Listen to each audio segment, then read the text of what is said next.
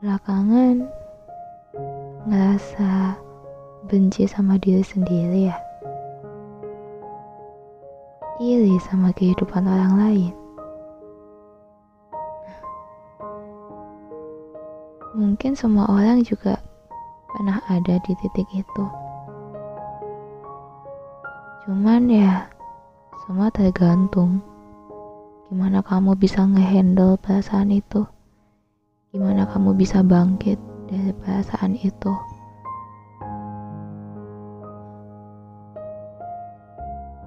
Kamu pasti tahu, semua manusia itu unik.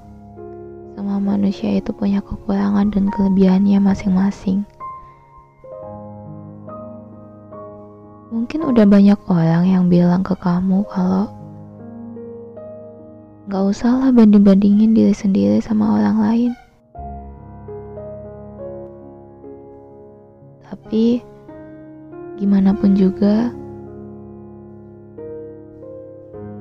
perasaan kamu pasti selalu aja ngebandingin diri kamu sama orang lain, sama teman-teman kamu.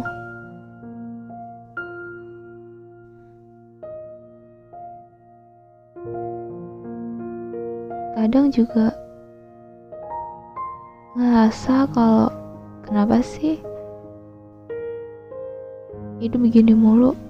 Kenapa sih kita masih stuck di sini-sini aja? Kenapa sih kita terus-terusan ada di titik quarter life crisis? Kapan sih kita keluar dari sini?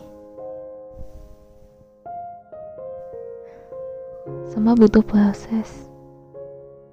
Iya bahkan mie instan yang katanya instan aja ada prosesnya. Ya, kita sama-sama nggak tahu kapan kita keluar dari quarter life crisis.